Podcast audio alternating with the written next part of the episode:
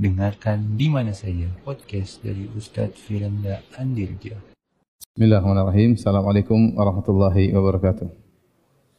Alhamdulillahi ala ihsanih wa syukur lahu ala taufiqihi wa amtinanih wa asyhadu an la ilaha illallah wahdahu la syarika lahu ta'ziman li sya'ni wa asyhadu anna Muhammadan abduhu wa rasuluhu da'ila ridwanih Allahumma salli alaihi wa ala alihi wa ashabi wa ikhwani hadirin dan hadirat yang dirahmati oleh Allah subhanahu wa ta'ala kita lanjutkan bahasan kita dari syarah al-aqidah al-wasitiyah dan ini adalah pertemuan yang ketujuh dan ini pertemuan yang paling berat ya pertemuan yang paling berat insyaallah dimudahkan oleh Allah Subhanahu wa taala. Tapi saya mohon konsentrasi dari para hadirin hadirat. Uh, jika apa yang saya akan sampaikan ini bisa dipahami dengan baik, maka untuk membantu syubhat-syubhat ahlul bidah maka sangat mudah. Oke, ini adalah kita akan hari ini akan bahas tentang pokok syubhatnya para penolak sifat. Semua syubhat mereka kembali pada satu syubhat, Ya, sebenarnya ada empat syubhat, tapi empat syubhat itu pun kembali kepada syubhat ini, syubhat inti. Ya, jadi aslu asyubhat. Ya, insya Allah kita akan bahas pada malam hari ini. Tolong diperhatikan dengan baik ya.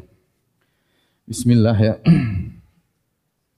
Kita mengulang kembali sedikit pelajaran yang terpotong kemarin.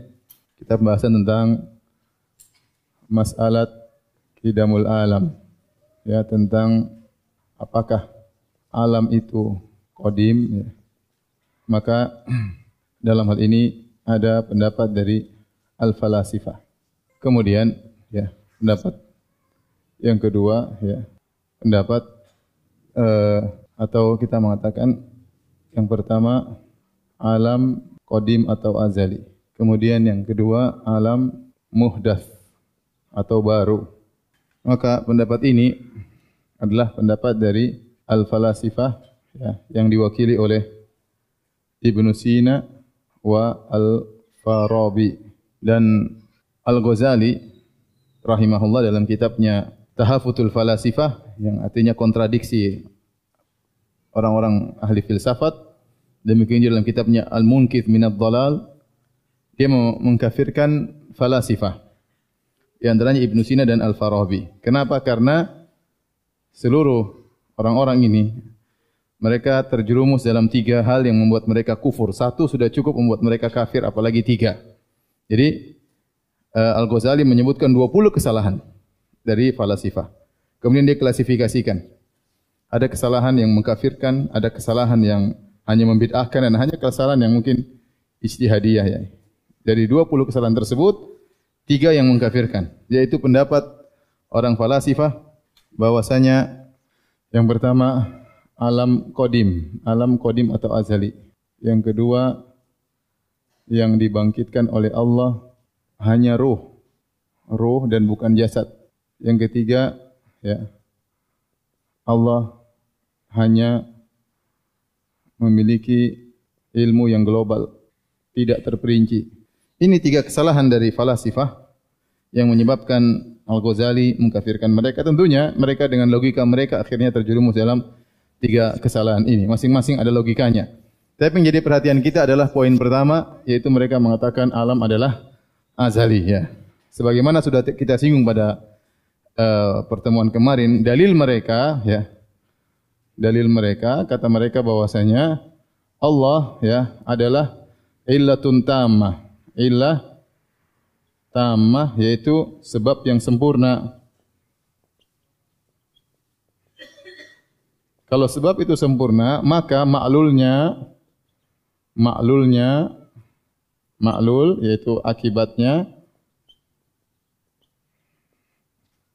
tidak akan terlambat dari sebabnya. sebabnya. Ya.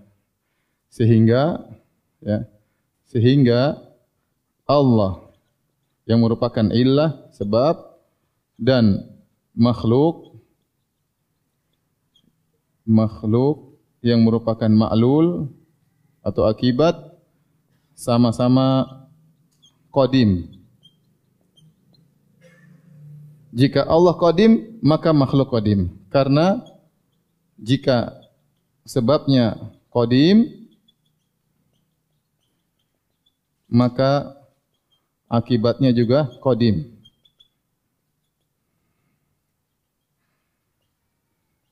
Qadim atau azali. Ini masih paham sampai sini?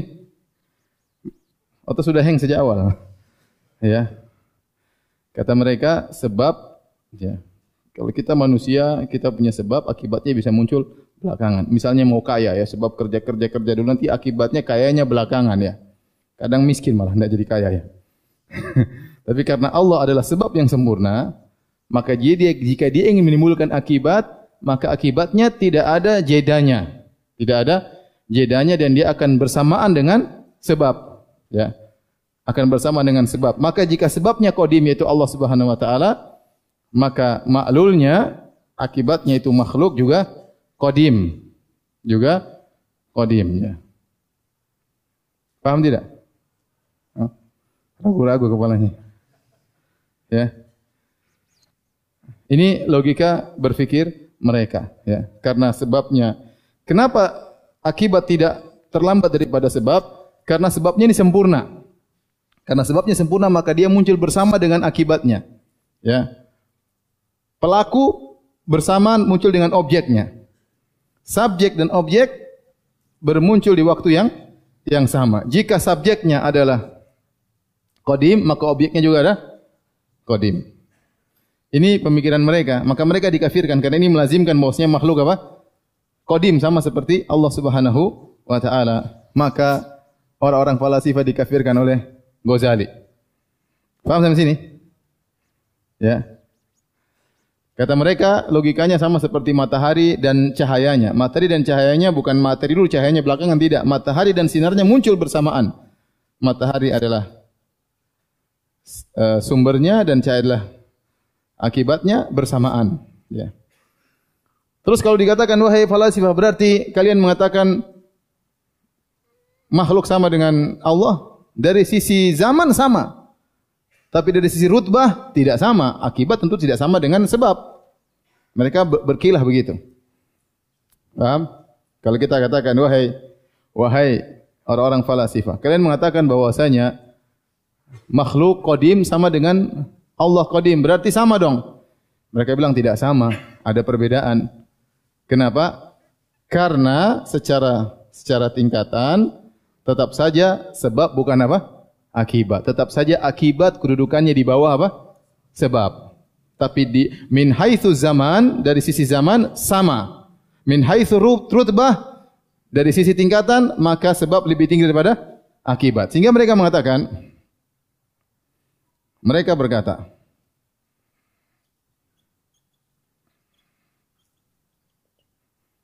bahwasanya Allah qadimun bidzatihi adapun al alam qadimun bi ghairihi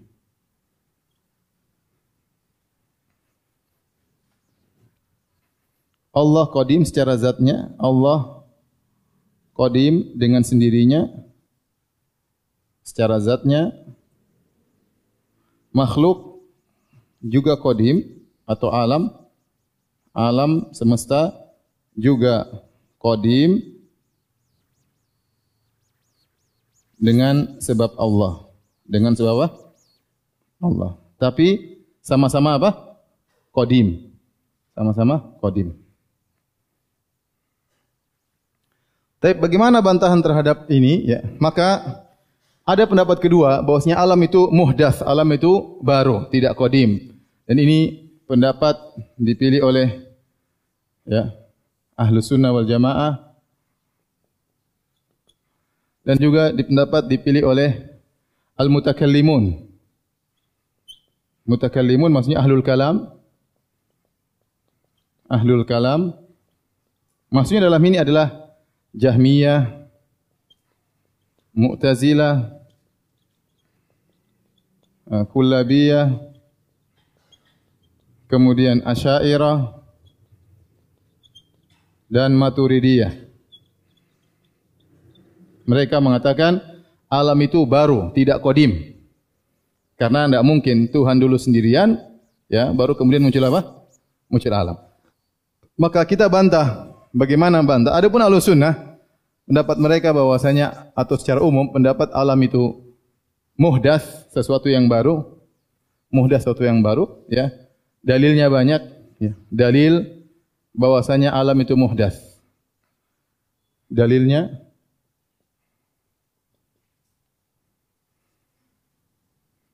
Nakli maksudnya nas. Seperti ya. Idza arada syai'an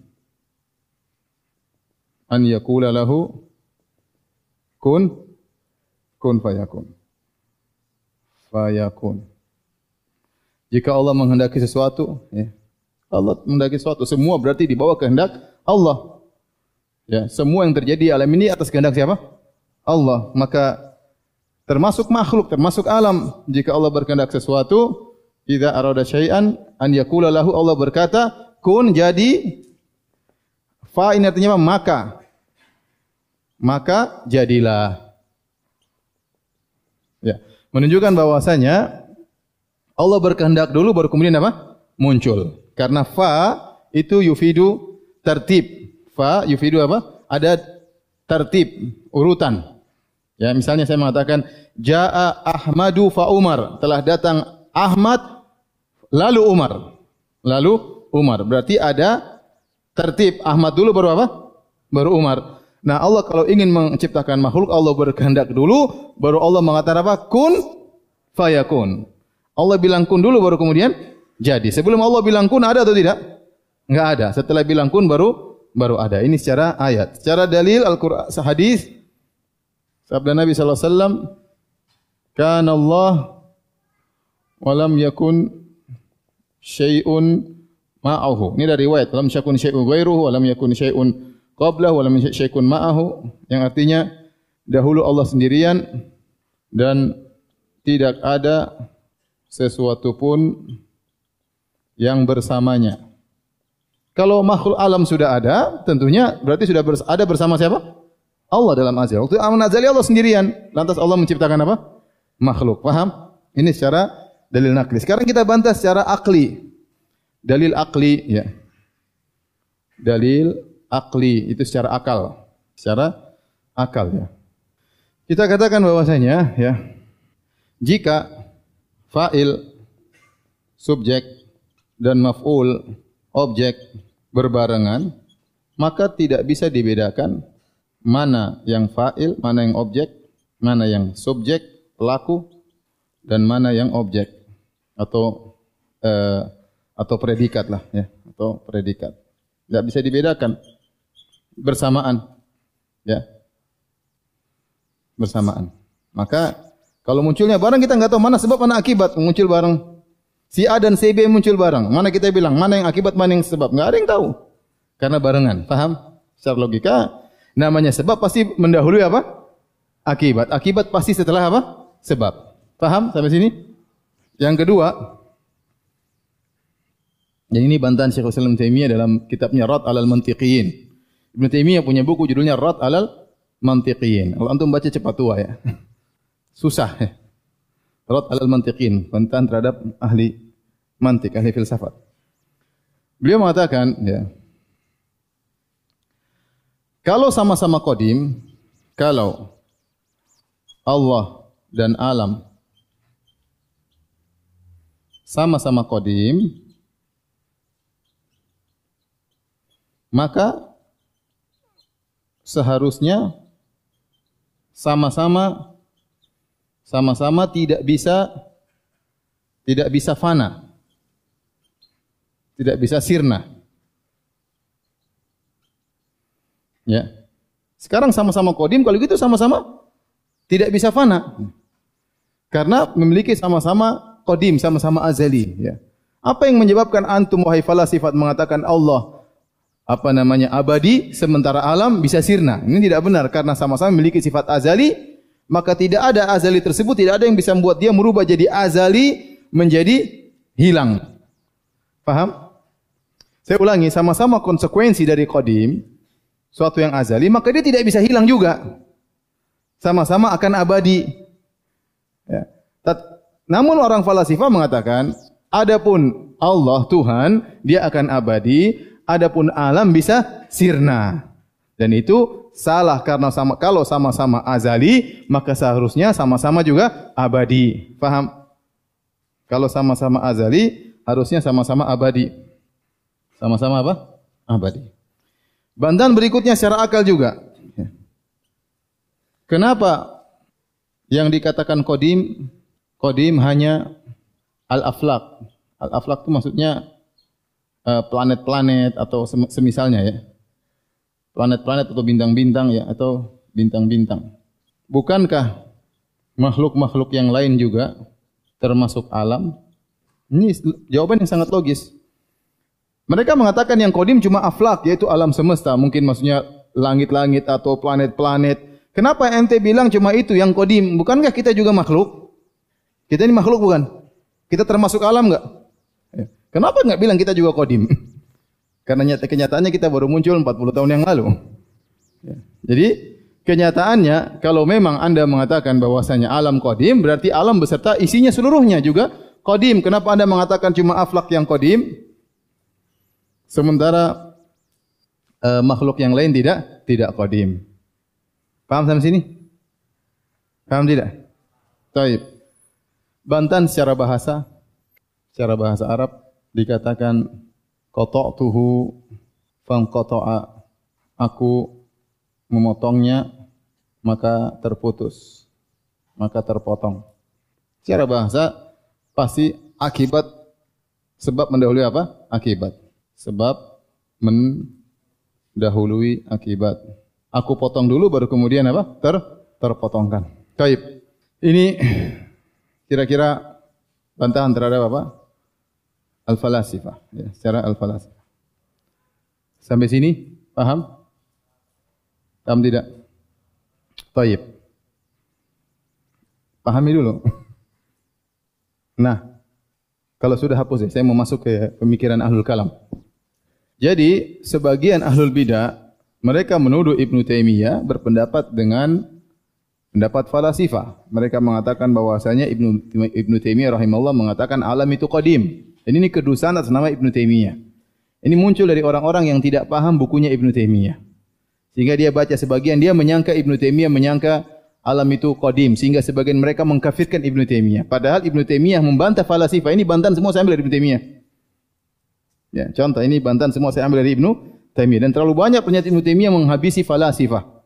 Ya, namun orang-orang sebagian tidak paham berkata Ibnu Taimiyah, dia salah paham, dia menyangka Ibnu Taimiyah menganggap alam itu apa? Qadim, ya. Dan banyak kedustaan terhadap Ibnu Taimiyah, maka ditulislah sebuah risalah doktorah ya tentang bantahan terhadap tuduhan-tuduhan terhadap Ibnu Taimiyah yang tidak benar. Di antaranya mereka sampai sekarang mereka menuduh Ibnu Taimiyah mengatakan alam itu apa? qadim. Padahal Ibn Taimiyah membantah pendapat tersebut dengan sangat jelas dan sangat logis ya. Bantahnya tadi saya nukilkan kepada antum sekalian. Baik, kita lanjutkan tentang pokok syubhat ahlul kalam dalam menolak sifat. Bagaimana ceritanya? Kita mau cerita ya. Ceritanya begini. Pertama, ahlul kalam, ahlul kalam tadi siapa tahu kan? Jahmiyah, Kullabiyah, Mu'tazilah, Syairah, Maturidiyah ingin membantah falasifah. Falasifah yang mengatakan alam itu apa? Alam kodim, azali. Fokus bantahannya bagaimana bisa membuktikan bahwasanya yang kodim hanyalah pencipta, al-khaliq, Allah subhanahu wa ta'ala. Adapun makhluk alam atau makhluk semuanya muhdas dalam kurung baru. Baik. Cerita berikutnya akhirnya mereka membuat suatu teori yang disebut dalilul a'rad. Dalil a'rad. Nanti akan kita jelaskan. Al-a'rad. Apa itu dalil a'rad? penjelasan dalil tersebut. Penjelasan teori tersebut sebagai berikut. Paham sampai sini? Sampai sini paham ya? Jadi mereka ingin bantah falasifah, ya. Karena falasifah mengatakan alam dan Tuhan sama-sama apa? Kodim. Maka mereka yang jelaskan yang kodim cuma Tuhan, alam tidak. Nah, untuk membantah pendapat falasifah bahwasanya Tuhan itu kodim, mereka membuat bahwasanya alam itu diciptakan oleh Tuhan. Bahwasanya alam diciptakan oleh Tuhan bukan azali bersama Tuhan. Ya, mereka membuat suatu teori yang disebut dengan dalilul a'rad, dalilul a'rad. Adapun penjelasan teori tersebut, kata mereka, pertama, a, alam semesta atau makhluk secara kasat mata adalah muhdas. Maksudnya dari tidak ada menjadi ada. Kita lihat pohon, kita lihat manusia, ya.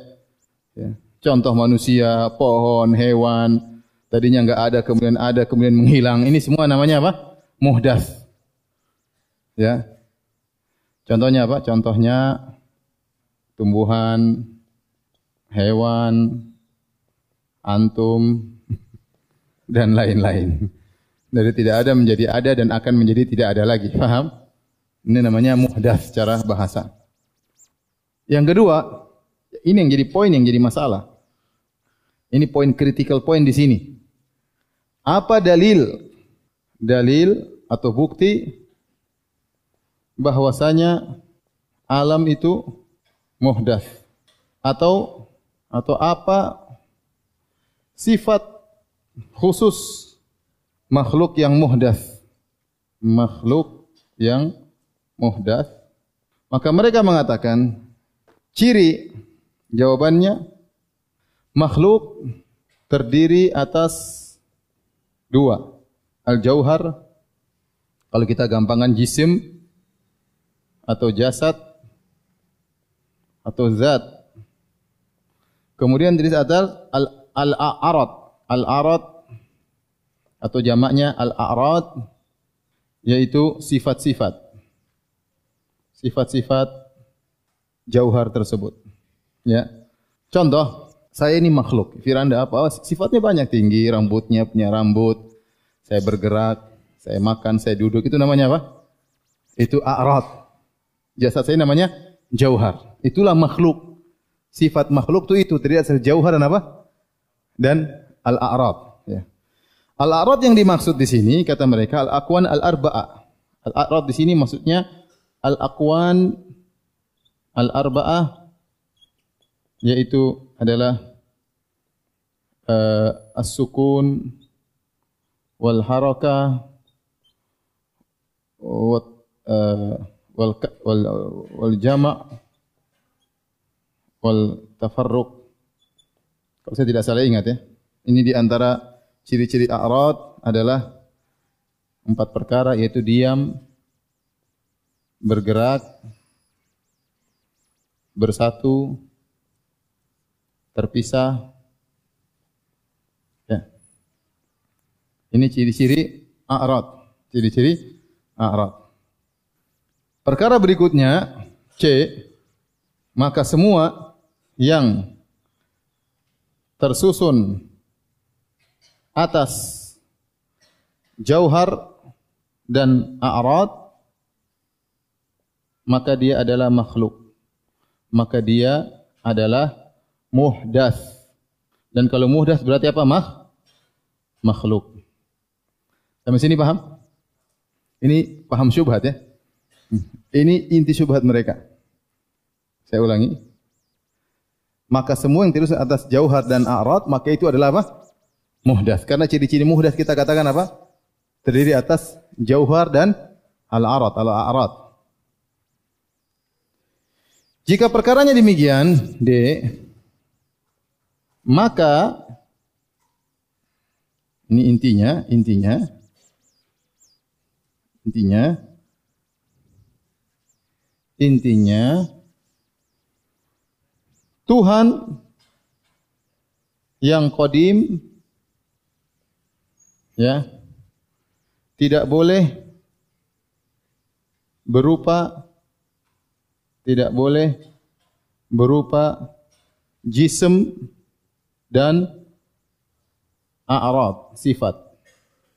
A'rad maksudnya apa tadi? Sifat, sifat. Tuhan harus beda. Yang mereka sebutkan dengan mukhalafatul lil hawadis.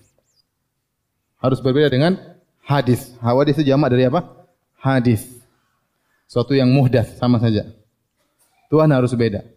Kalau Tuhan harus beda maka Tuhan harus kosong dari karenanya Allah harus tidak boleh sama ya. Tidak boleh jism dan tidak boleh tidak boleh punya a'rad. Karena kalau Allah punya isim punya a'rad berarti Allah sama dengan makhluk. Paham? Dengan demikian antum paham enggak tidak? Ini kalau tidak paham bahaya ini. Tunggu belum selesai jangan dulu foto belum selesai. Hah? Ini namanya dalil apa? A'rad. Ya, dalil a'rad. Al-jauhar sama dengan jisim ya. Sama dengan apa? Jisim ya. Kita lanjutkan ya. Dalil ini ya menunjukkan sifat utama jisim atau jauhar adalah memiliki a'rad. Jadi jisim atau jauhar tersebut memiliki apa? Sifat-sifat. Paham?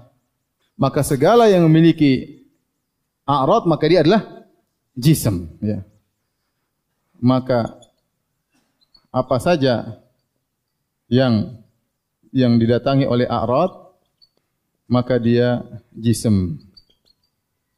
Kemudian kaidah ini tidak bisa sempurna sehingga mereka mengatakan apa? Kaidah intinya, inti kaidah ini tidak sempurna kecuali dengan menambah kaidah baru al-ajsam mutamathilah mutamathilah jisim-jisim itu mirip-mirip mirip-mirip semuanya. Kesimpulan supaya Allah beda dengan makhluk maka Allah tidak boleh jisim jisim karena Jisim itu semuanya mirip-mirip. Semuanya mirip. Dan agar Allah tidak jisim, jisim maka Allah tidak boleh kena a'rad. Tidak boleh mengalami a'rad. Mengalami a'rad. Al-a'rad. Sehingga Allah tidak memiliki sifat. Cuma tahu antum paham atau tidak ya? Saya kasih kesimpulan sini. Coba lihat sini semua, perhatikan. Jadi kita kembali kepada cerita lama. Orang falasifa mengatakan alam ini apa? Qadim. Tentu ini kekufuran. Maka kita harus bantah bahwasanya yang qadim cuma Allah. Maka Allah harus mukhalifun lil hawadith, harus beda dengan semua-semua yang muhdats. Nah, apa ciri-ciri muhdas? Mereka lihat alam. Muhdas ternyata alam. Alam itu isinya apa? Isinya jisim dan sifat. Saya jisim ada sifat saya yang bergerak, mau makan, mau apa. Itu sifat saya sakit, enggak sakit. Ya. Kalau begitu, ciri khas daripada daripada muhdas adalah berjisim, berjauhar dan berapa? Bersifat. Bersifat. Kemudian menurut mereka kaidah yang lain, ajsam mutamathilah. Sama jisim itu sama-sama, mirip-mirip. Kalau begitu, Allah tidak boleh dua-duanya. Tidak boleh jisim dan tidak boleh apa? A'rad. Tidak boleh sifat. Maka agar Allah beda dari muhdas, dari makhluk, Allah tidak boleh jisim. Dan supaya Allah tidak boleh jisim, maka tidak boleh memiliki a'rad. Faham sampai sini? A'rad ini sifat, maka mereka harus menolak sifat. Taib. Sampai sini paham? Ini masih syubhat ya, belum bantahan. Kalau sudah tolong dihapus. Ini enggak boleh berhenti, harus selesai ya. Tunggu tunggu dulu biar teman-teman foto dulu sebentar. Udah udah, enggak usah terlalu bersihin apa-apa. Tentang dalil Arab.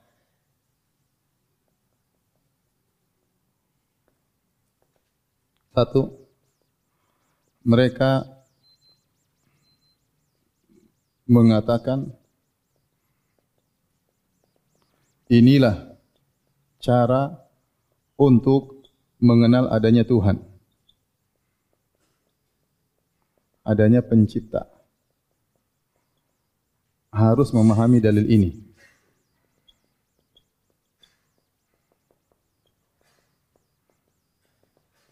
Agar bisa membuktikan adanya pencipta. Dan ini adalah pendapat Asy'ariyah pendapat Asy'ariyah mutaakhirin.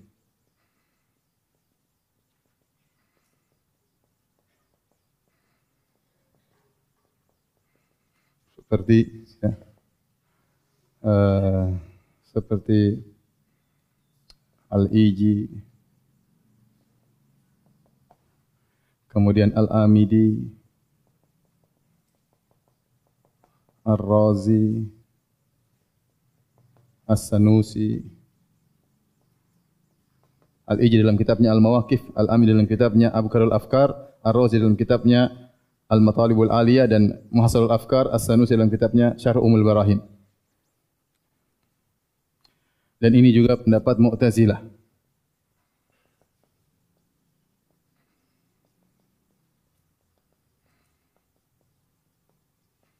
sebagaimana dikatakan oleh Al-Qadhi Abdul Jabbar.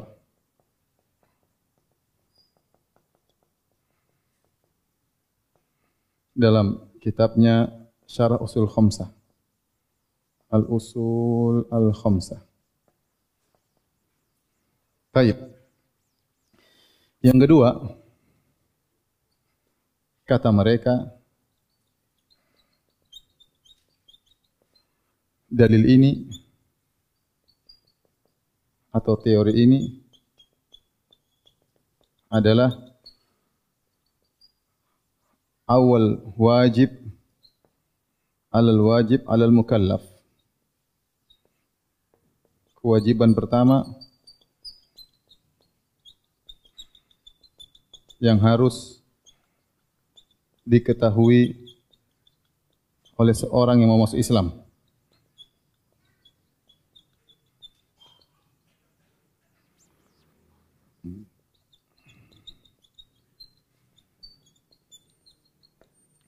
Sesungguhnya mereka ada khilaf. Apa yang pertama wajib diketahui oleh orang yang masuk Islam? Maka ada beberapa pendapat. Yang mengatakan yang wajib harus syak, ragu. Baru kemudian mengenal Tuhan. Ada yang mengatakan adalah nazar. Yaitu memandang. Inilah cara memandang teori seperti ini. Yaitu memandang berfikir dengan akal. Dengan teori ini. Ada yang mengatakan juz'un minan nazar. Sebagian daripada teori ini. Ada yang mengatakan ma'rifat. Sampai mereka ada enam pendapat, tujuh pendapat tentang yang wajib bagi orang yang masuk Islam namun mereka sepakat intinya adalah harus memahami dalil ini. Baru bisa seorang masuk Islam. Antum aja paham enggak? Antum berarti belum sah masuk Islam. ini cara mengenal Tuhan dalilnya ini kata mereka. Bantahan.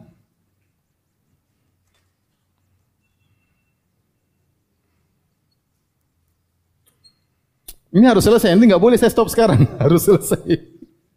Bantahan. Ya. Pertama, cara mengenal Tuhan banyak. Tidak harus pakai cara ini. Pakai cara yang sulit ini. Di antaranya Ibn Taimiyah mengatakan di antaranya misalnya ya melihat agungnya makhluk Allah.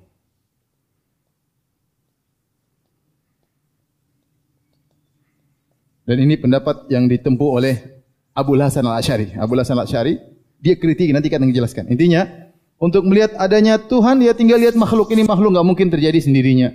Ini makhluk enggak mungkin. Ya sudah, dengan otomatis kita tahu ada yang menciptakan. Selesai. Enggak usah pakai teori-teori ini, paham? Teori gini apa apa susah pusing. Ini orang yang mau tahu ada Tuhan sudah ente lihat ini semua. Kita tahu enggak mungkin ini terjadi dengan apa? Sendirinya. Selesai. Maka kita tahu adanya apa? Tuhan. Ya. Artinya ini semua tidak mungkin. Ini semua tidak mungkin terjadi dengan apa? Sendirinya.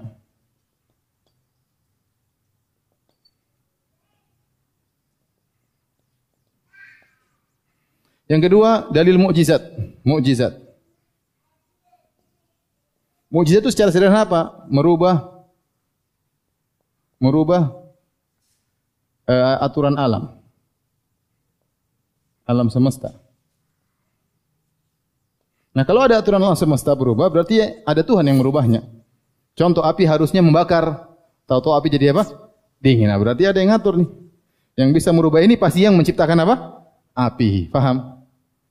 Misalnya Nabi SAW keluar tangan air dari jari, keluar air dari jari. Nah, ini ini enggak sesuai dengan aturan alam semesta. Berarti ada yang merubah aturan tersebut. Berarti yang merubah itu apa tuh? Tuhan. Maka adanya mukjizat menunjukkan bahwasanya ada pencipta. Makanya waktu Nabi Ibrahim berdiri berdebat dengan Raja Namrud, kata Nabi Ibrahim, Rabbi alladhi yuhyi wa yumit. Tuhanku menghidupkan matikan. Kata Namrud, qala ana uhyi wa umit. Saya juga bisa menghidupkan matikan. Dia bohong, dia bahlul ya. ya. Ternyata maksud dia menghidupkan itu dan mematikan ada dua orang yang dia hadirkan. Kata dia ini dua-dua saya sudah hukum mati. Tapi yang satu saya lepaskan berarti saya menghidupkan. Yang satu tetap saya bunuh berarti saya matikan. Itulah menghidupkan dan mematikan ini Tuhan kok bahlul ya?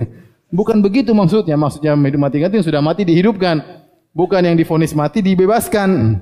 Tapi karena Tuhan bahlul maka Nabi Ibrahim lanjutkan dengan dalil berikutnya. Ya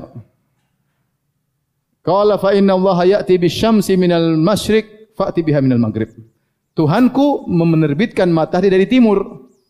Kalau kamu Tuhan harusnya kau bisa rubah aturan alam semesta. Terbitkanlah dari barat. Fabuhita ladzi kafar. Maka dia tidak bisa menjawab. Nah, berubahnya sistem alam semesta ini namanya mukjizat. Dan itu menunjukkan ada yang merubah. Berarti ada tuh Tuhan. Faham? Mukjizat menunjukkan ada Tuhan. Selesai. Tidak usah pakai teori tadi. Susah banget ya. Teori ketiga misalnya bahwasanya muhdats dalam kurung yang baru menunjukkan muhdits yang mengadakan yang mengadakannya.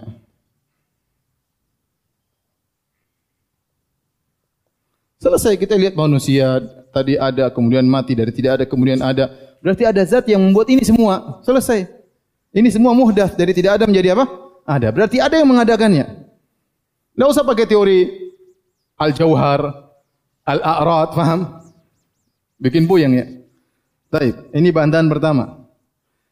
Kedua,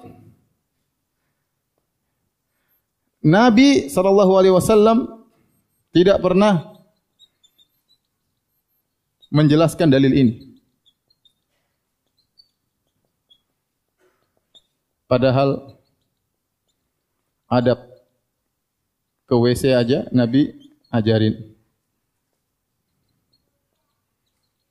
Baik, ini masalah akidah, masalah penting. Bahkan kata mereka yang pertama harus dipahami. Loh, kenapa Nabi tidak pernah ajar? Kenapa Nabi tidak pernah ajarkan? Ya.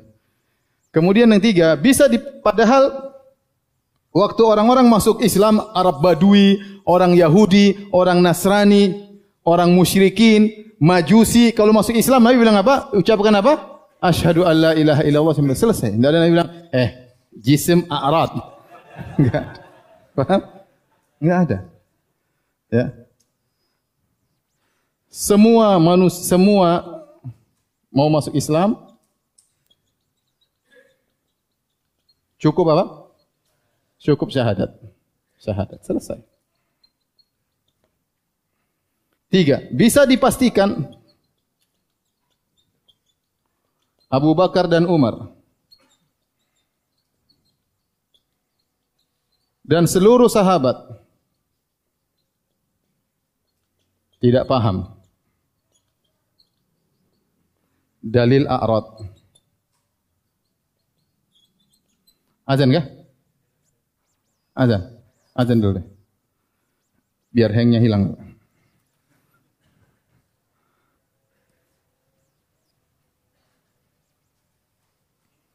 Empat, jika orang hanya bisa beriman dengan teori ini, maka hampir seluruh kaum muslimin orang Islam kafir. Ya enggak, antum aja enggak pernah paham tentang jauhar dan a'rad. Baru dengar malam ini kan? Ya. Makanya dibantah oleh Ghazali dan nukil oleh Ibnu Hajar dalam Fathul Bari. Kata Al-Ghazali intinya, dengan teori ini melazimkan banyak orang yang kafir. Karena kebanyakan orang tidak paham tentang apa? Dalil ini. Bagaimana anda mensyaratkan iman kepada orang kalau mau beriman harus paham dalil a'rad dan al-jisam, al-jauhar. Orang semua tidak paham. Kalau begitu kafir, gimana ente kalau ente harus kita harus mengenal Tuhan dengan cara seperti itu berarti rata-rata orang semuanya apa? Kafir. Karena antum saja baru sekarang aja pun belum tentu paham. Sudah saya jelaskan capek-capek belum tentu antum paham. Bagaimana anda mengatakan ini kewajiban pertama yang harus dipahami oleh seorang yang ingin masuk Islam? Ini kengawuran luar biasa. Ya kengawuran luar biasa. Dan itu terdapat dalam buku-buku akidah mereka. Ya tadi saya sebutkan ada buku Al-Mawaqif, ada buku Abkarul Afkar, Al-Amidi Ar-Razi, dua buku, Al-Matalib Al-Aliyah dan Muhasal Afkar, Sanusi seperti Syarumul Barahin dan yang lainnya mereka sebutkan masalah ini. Ini menakjubkan bagaimana mereka ini suatu perkara yang paling penting sementara tidak ada dijelaskan oleh Al-Quran dan Sunnah. Mereka ini mengambil dari mana? Mengambil dari teorinya Aristo. Mereka terpengaruh dengan pemikiran apa? Aristo, teori ini. Ya, untuk dimasukkan dalam Islam. Dimasukkan dalam Islam bahkan dijadikan syarat untuk masuk Islam. Kemudian bantahan berikutnya Ya. Dalil ini ternyata warisan dari Mu'tazilah. Sebagaimana dijelaskan oleh dinukil oleh Ibnu Hajar dalam Fathul Bari dari As-Samnani, ada seorang ulama besar di Asy'ariyah bernama As-Samnani dia mengatakan dalil ini adalah sisa warisan dari Mu'tazilah yang masuk ke dalam Asy'ariyah. Dan ini kebatilan. Ya. Karena Asy'ariyah mengaku perang sama Mu'tazilah. Ternyata mereka masih mengadopsi pemikiran apa? Mu'tazilah. Ya. Kemudian yang berikutnya seandainya sifat Tuhan paling inti tidak boleh jisim. Ya, kita bilang jisim ini sifat perkataan yang masih kurang jelas. Kalau maksudnya jasad seperti manusia, maka Tuhan tidak boleh seperti itu. Tapi kalau jisim maksudnya adalah zat, ya maka Allah ber, berjisim. Faham? Kita sudah jelaskan. Jisim maksudnya apa? Kalau jisim maksudnya seperti tubuh saya, tubuh manusia ada daging darahnya, maka Tuhan tidak berjisim. Tapi kalau maksudnya jisim adalah zat, ya maka Allah berjisim. Tapi kalau kita katakan sifat Tuhan paling inti tidak boleh jisim, maka Nabi waktu Nabi Ibrahim waktu membantah Raja Namrud gampang. Wahai Ibrahim saya Tuhan. Gampang. Ente jisim bukan Tuhan. Selesai. Tapi ternyata Nabi Ibrahim tidak membantah demikian. Paham? Contoh lagi seperti Nabi Ibrahim, Nabi Muhammad SAW waktu mengatakan Dajjal. Inna rabbakum laysa bi'awar. Sungguhnya Tuhan kalian tidak buta sebelah. Wa inna dajjal A'warul ainal yumna. Sungguhnya Dajjal mata kanannya buta. Ya. Sebenarnya kalau Nabi mengatakan Dajjal bukan Tuhan karena Dajjal jisim. Tapi Nabi tidak pernah mengatakan demi demikian. Faham? Ya. Justru Nabi mengatakan Tuhan kalian tidak buta. Dajjal apa? Buta. Ya. Apa maksudnya? Taib. Dalil ini ternyata juga dibantah oleh Asy'ariyah sendiri. Asy'ariyah sendiri. Di antaranya dibantah oleh Abu Hasan Al-Asy'ari, oleh Al-Asy'ari, Abu Hasan Al-Asy'ari dalam kitabnya Luma dan Risalah ila ahli Sagar, Risalah ila ahli Sagar. Antum juga enggak bisa baca sama aja. Kemudian dibantah oleh Al-Juwaini dalam kitabnya An-Nadhamiyah. Bahkan Razi juga mengingkari dalil ini dalam sebagian pernyataannya ya. Karena ini dalil dibantah oleh Ghazali ya. Al-Ghazali dibantah ya tadi saya sudah katakan. Jadi banyak Asy'ariyah juga tidak setuju dengan dalil ini. Ini karena dalil untuk mengetahui Tuhan tidak perlu dalil susah-susah tadi. Paham? Taib masih ada bantahannya. Nanti hapus dulu. Insya Allah setelah ini, ini semuanya gampang ya. ini aja yang susah malam ini. Sabar ya. Alhamdulillah yang hadir tidak terlalu banyak. Kalau banyak pada pening semua. Antum mewakili pening mereka. Tapi antum paham tidak? Hah? Hah? Salah ya? Awas. Sekarang bantahan nomor berapa? Nomor delapan. Dalil a'rad tidak bisa sempurna kecuali ditambah dengan dengan dengan kaidah tadi yang sudah saya sebutkan al-ajsam mutamasilah mutamasilah jisim-jisim itu semuanya sama. Ya, maksudnya mereka apa? Agar menolak Allah berjisim. Ya. Kalau jisim Allah beda dengan jisim makhluk ya sudah, berarti Allah mukhalifun lil hawadis maka tidak perlu dalil arat. Kalau sejak awal kita bilang Allah berjisim, jisim Allah beda dengan makhluk, maka dalil arat ini enggak ada fungsinya. Antum enggak paham ya? Dalil arat itu kan menolak Allah itu apa? Berjisim supaya jisim Allah kalau Allah tidak berjisim maksudnya jisim Allah tidak seperti apa makhluk ya seperti itu. Sehingga untuk bisa memastikan Allah tidak berjisim maka harus mengatakan jisim itu mirip-mirip. Saya kasih logika. Ini kan makhluk. Ini Allah. Ya. makhluk punya sifat apa? Jisim sama apa? A'rad. Huruf punya jisim dan a'rad. Nah, kita sedang menolak sifat apa? Jisim. Menolak sifat apa? Jisim. Ya. Ya. Menolak sifat sifat jisim. Maka bagaimana menolak sifat jisim dengan menolak a'rad? Dengan menolak a'rad. Nah, supaya sempurna dalil ini berarti kita mengatakan kalau kita menetapkan na'rod pada Allah, berarti jisim seperti jisimnya apa? Makhluk. Kalau kita tetapkan na'rod pada Allah, berarti Allah akan berjisim seperti jisimnya makhluk, maka kita tolak karena jisim itu harus mesti sama. Kenapa Allah tidak boleh menerima arad? Karena kalau kita mengatakan Allah menerima arad, maka Allah berjisim dan jisimnya seperti jisim apa? Makhluk. Karena kenapa seperti jisim makhluk? Karena jisim itu mirip-mirip semuanya. Dan itu kaidah yang batil karena kita tahu jisim itu berbeda-beda. Contoh, jisimnya api tidak sama dengan jisimnya air, paham? Sama dari mana? Enggak enggak sama sama sekali. Ya. Jisimnya ruh tidak sama dengan jisimnya kayu, sama sekali berbeda. Bagaimana ente punya kaidah al-ajsa mutamathilah? Sudah ente bilang aja batil, sudah ente enggak paham enggak apa-apa. pokoknya, pokoknya ini ngawur kaidah ini, paham?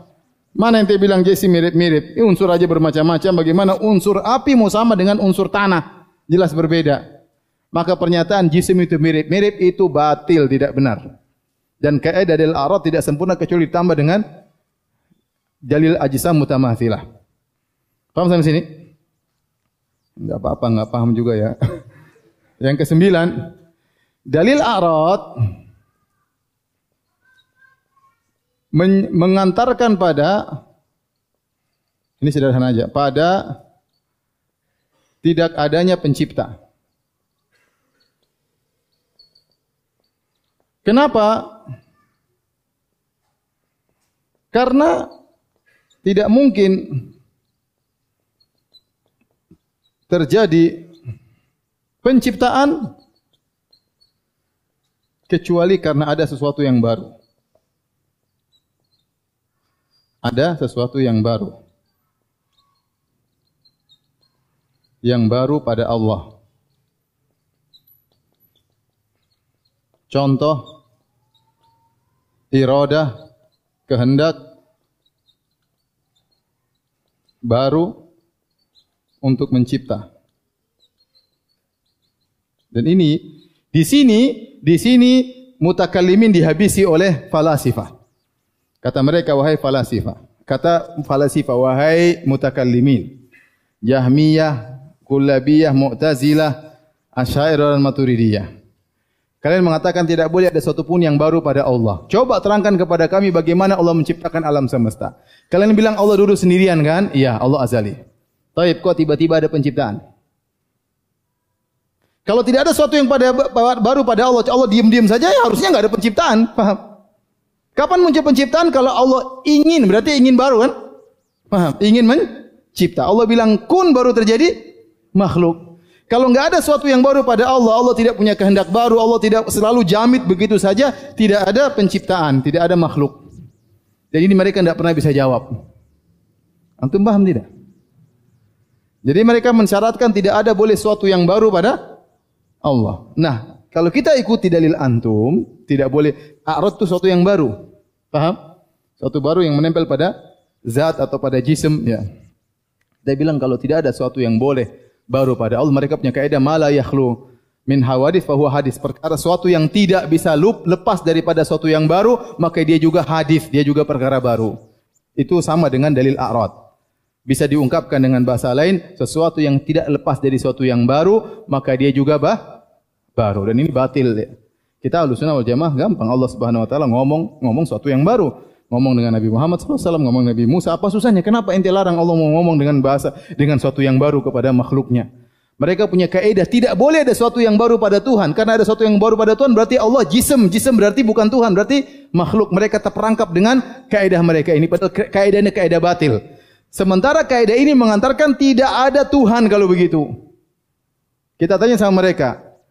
Dulu kita sama-sama sepakat misalnya Allah dahulu sendirian. Belum ada makhluk. Taib, kok tiba-tiba bisa ada makhluk? Berarti ada sesuatu yang baru pada Allah, misalnya ingin mencipta. Paham? Paham tidak?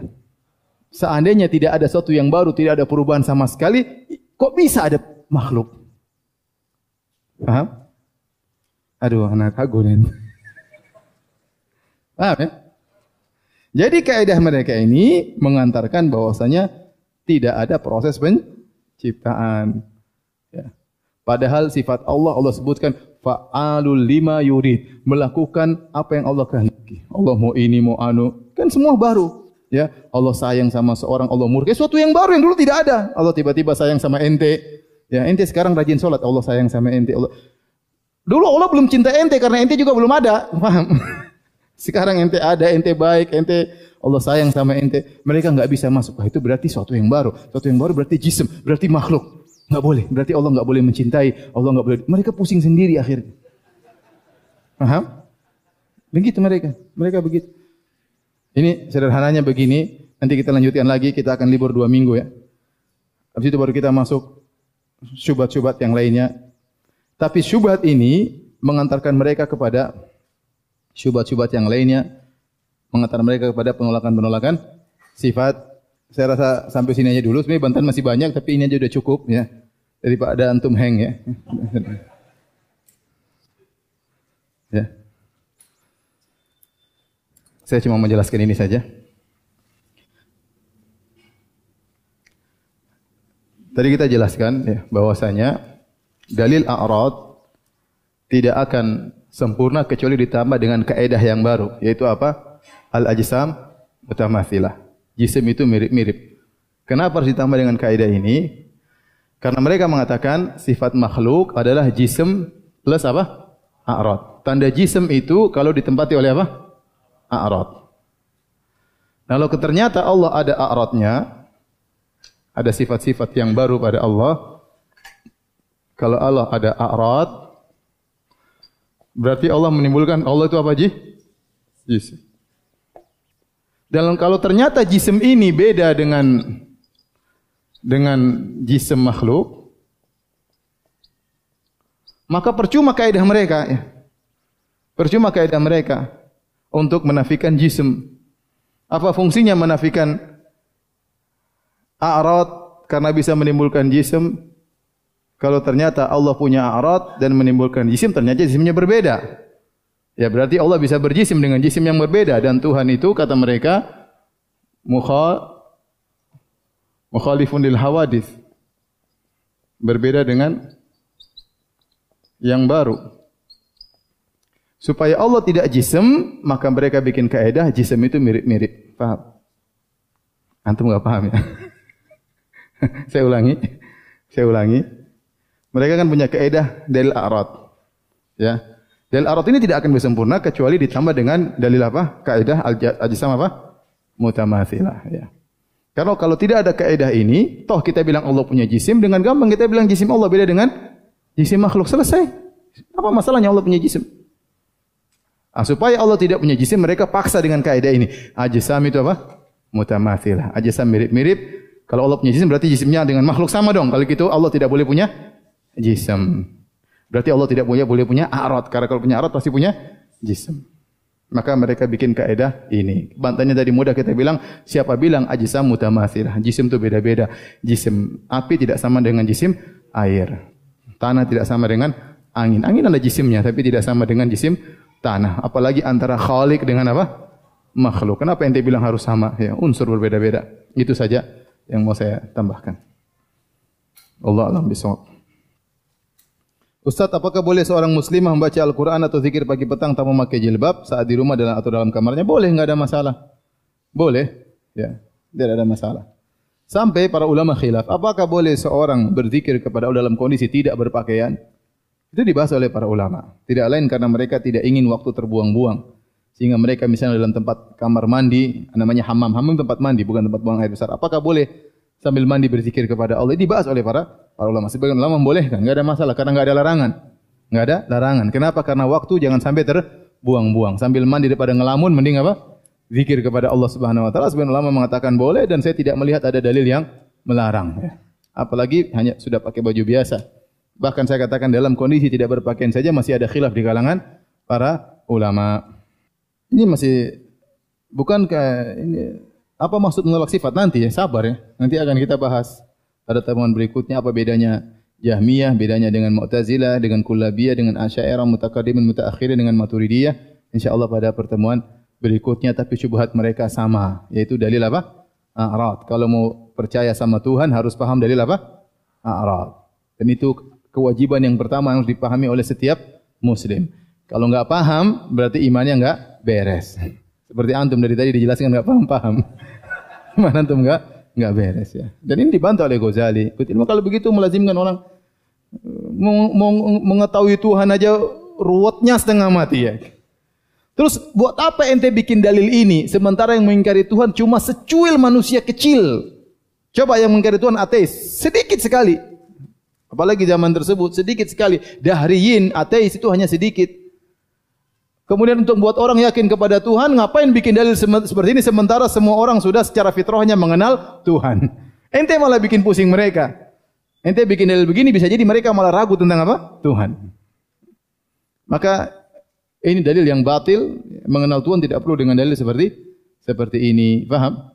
Mana ada orang coba ente tanya, ibu ente dulu, mak ngerti enggak dalil a'rad dan eh, apa al-jauhar? Apa itu jauhar itu arat? Jauhar itu begini. Kalau mama enggak ngerti, mama berarti masih kafir. Waduh, repot. Paham? Taib demikian saja kajian kita. Insyaallah kita lanjutkan dua pekan lagi. Subhanakallah bihamdik ilaha astaghfiruka wa ilaik. Assalamualaikum warahmatullahi wabarakatuh.